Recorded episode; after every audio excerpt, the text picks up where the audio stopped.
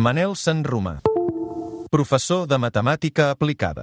Va promoure la xarxa ciutadana Tinet i el domini.cat. Ens presenta una nova plataforma ciutadana.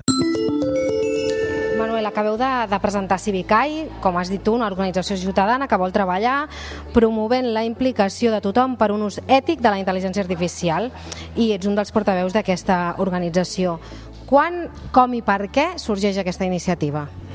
Bueno, sorgeix perquè un grup de persones ens en donem compte de que l'aparició la, del famós ara ChatGPT eh, és un canvi substancial perquè és com un geni que surt de la, del laboratori, s'escapa com un virus positiu, diguem-ne, que surt del laboratori i que ja està en mans de 200 milions de persones. Entre, entre aquests 200 milions hi ha milers i milers i milers de gent que ja està pensant en què fer, eh, la major part amb, amb bé i altres eh, no tan bé. No?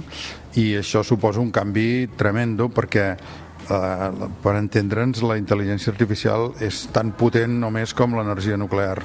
Encara que són dues coses diferents, però un reactor nuclear controlat és una font d'energia, un reactor nuclear mm, descontrolat és una font de destrucció. La intel·ligència artificial controlada eh, democràticament és una font de riquesa, una font de salut, una font d'oportunitats, de tot.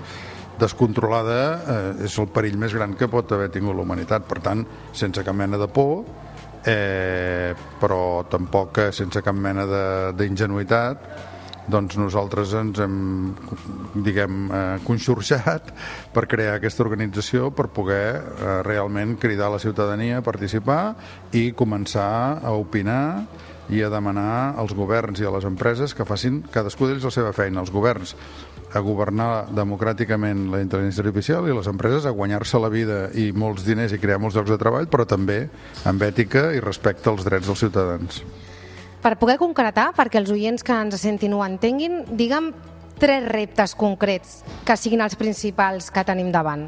Vols dir en general de la... De la... Bueno, davant d'aquesta possible revolució de la intel·ligència artificial o concretament del xat GPT, com s'ha de combatre i combatre no en el mal sentit de la paraula, sinó com hem de sumar esforços i que eh, gràcies a la seva a aquesta energia nuclear que deies s'utilitzi positivament. Hi ha, una, hi ha un perill, jo crec que immediat, a molt curt termini, curt termini no vol dir dies, però tampoc vol dir dècades, vol dir anys, de que eh, es creï un món, uns mons eh, inventats eh, que no existeixen i aquests mons inventats, si són per la literatura o pel cinema o per tot això, estan molt bé. És a dir, d'aquí uns anys la gent podrà crear sèries de, de, sèries de Netflix, per dir alguna cosa, a casa seva eh, i a veure qui la fa més grossa i amb, amb, act amb actors i actrius que no han existit mai o que han existit però que se'ls canvia la veu o, o, que, o que actors que han mort se'ls se fa actuar, això es podrà fer i això ben fet i des del punt de vista artístic doncs és,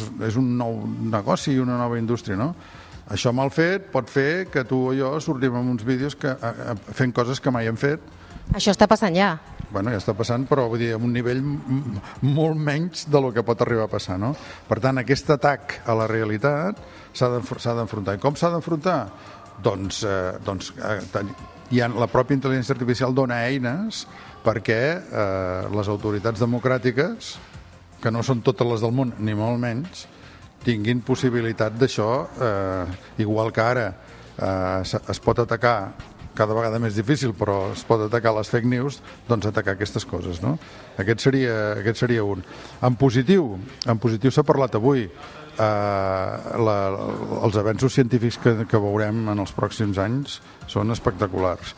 És a dir, els muts parlaran, els secs veuran, allò que, allò que, que es deia a la, a la Bíblia sense miracles, no?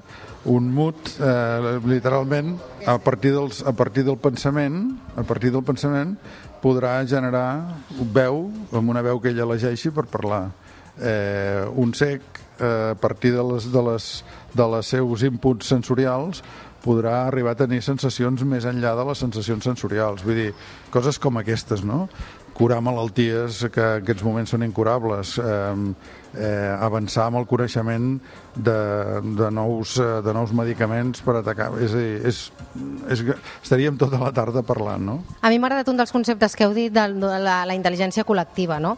Sí. Que, que hem de vetllar per aquesta, per aquesta suma no? de les dues, de la natural, que seria la nostra, la que coneixem, sí. però que efectivament eh, ha aparegut l'artificial i que ens ajuda a evolucionar, però hem de, de crear aquesta col·lectiva que no sé si ara està molt establerta. No, no, perquè de fet és un concepte nou, no? perquè la intel·ligència és algo lligat a les persones. Um, però, és clar, amb la, um, fixa't que ja hem creat internet, que és com una mena de de gran... no és una intel·ligència, però sí que és una gran memòria col·lectiva, no? que és una base de la intel·ligència.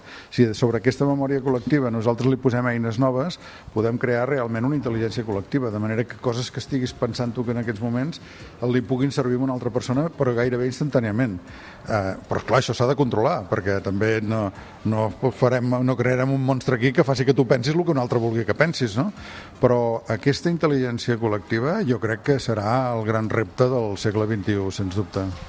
I quins són els primers passos que us heu marcat com a organització? Tot el que estem parlant és molt gran, molt global. Parlem de revolució i amb, i amb certesa, no? perquè el xat GPT, per exemple, pot eh, dinamitar l'educació com l'entenem eh, fins ara, per tant, hem d'estar preparats. Però com es concreta?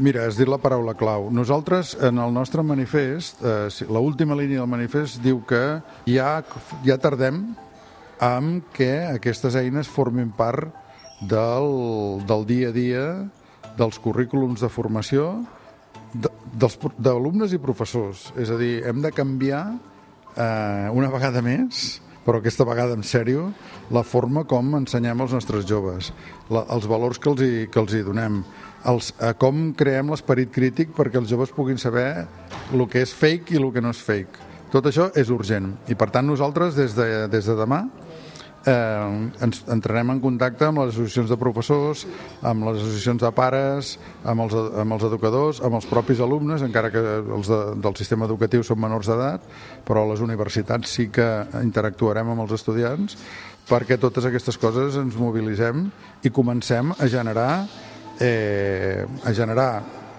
o sigui, posicionament i opinió, però també a generar possibles projectes de col·laboració amb el qual nosaltres aportarem bonament la gent que tenim. Pensa una cosa, pensa que nosaltres en aquests moments tenim 140 persones, dels quals hi han 30 o 40 que són gairebé jubilats d'un valor extraordinari, que tenen temps i experiència. Tenim moltes dones que tenen eh, gairebé per, per naturalesa sensibilitat i sentit comú. Tenim joves que tenen idees i empenta. Amb això mm, si, si amb aquestes intel·ligències no sabem fer coses, doncs més val que pleguem. El que passa que necessitareu que les administracions us facin cas, no? les grans corporacions, perquè al final eh, despreneu ganes, optimisme i, i, i coneixement, però no sé si és un punt innocent i, i no, no, amb, amb tots els respectes pensar que des d'un grup de ciutadans, per potent que sigui, podem canviar tot això. Um, és innocent perquè no és culpable, diguem-ne. és a dir, ens permetem la innocència de, que, de, cre de creure que és possible. Eh, però certament una cosa és ser, innocent i l'altra és ser ingenu.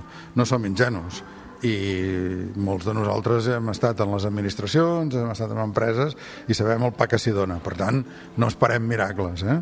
Però insistència en tindrem tota, és a dir, no hem creat aquesta organització per, per sortir a la foto i ja està. Hem creat aquesta organització perquè pensem que aquesta és una necessitat, però també una gran oportunitat per la, per la, en general per l'espècie humana, però en particular també per, un, per països petits com el nostre, llengües petites com la nostra i societats que, que necessiten reprendre eh, moments estel·lars del passat, com són, per exemple, el moment que va ser la Mancomunitat i, la, i el que representa aquell lloc on ens hem presentat. No? Eh, som innocents, però no ingenus, i, i treballarem amb les administracions, però no per a les administracions. Treballarem amb ells, i si nosaltres podem ajudar, ajudarem, però si ens hem d'enfrontar, també ens hi enfrontarem i amb les empreses tres quarts dels mateix. Eh? I jo crec que, o sigui, ja ho veus, no? Jo sóc optimista per, per naturalesa, però, però ho crec profundament. Jo crec que la major part de la gent, estigui o no en una organització, és bona gent. i, i si sabem trobar les palanques i sabem trobar les maneres, nosaltres modestament podem aportar una veu ciutadana amb una certa credibilitat. Evidentment no representem a la, no ens presentem a les eleccions, per tant nosaltres no podem parlar en nom del poble, però nosaltres som una mica uns dèspotes il·lustrats amables, és a dir, treballarem pel poble, eh, amb tot el poble que puguem, perquè nosaltres convidarem a participar tothom, però no ens, no ens pararem no ens pararem pel fet d'unes eleccions ni ens pararem pel fet de que no tinguem 20.000 vots. Nosaltres tenim opinions, tenim idees, tenim energia i arribarem on sapiguem arribar i si no arribem més lluny tancarem la paradeta. Molt bé, Manel Sant Romà, un dels portaveus de Civicai, aquesta organització que s'ha presentat a l'Escola del Treball de Barcelona. Moltes gràcies. A vosaltres, moltes gràcies.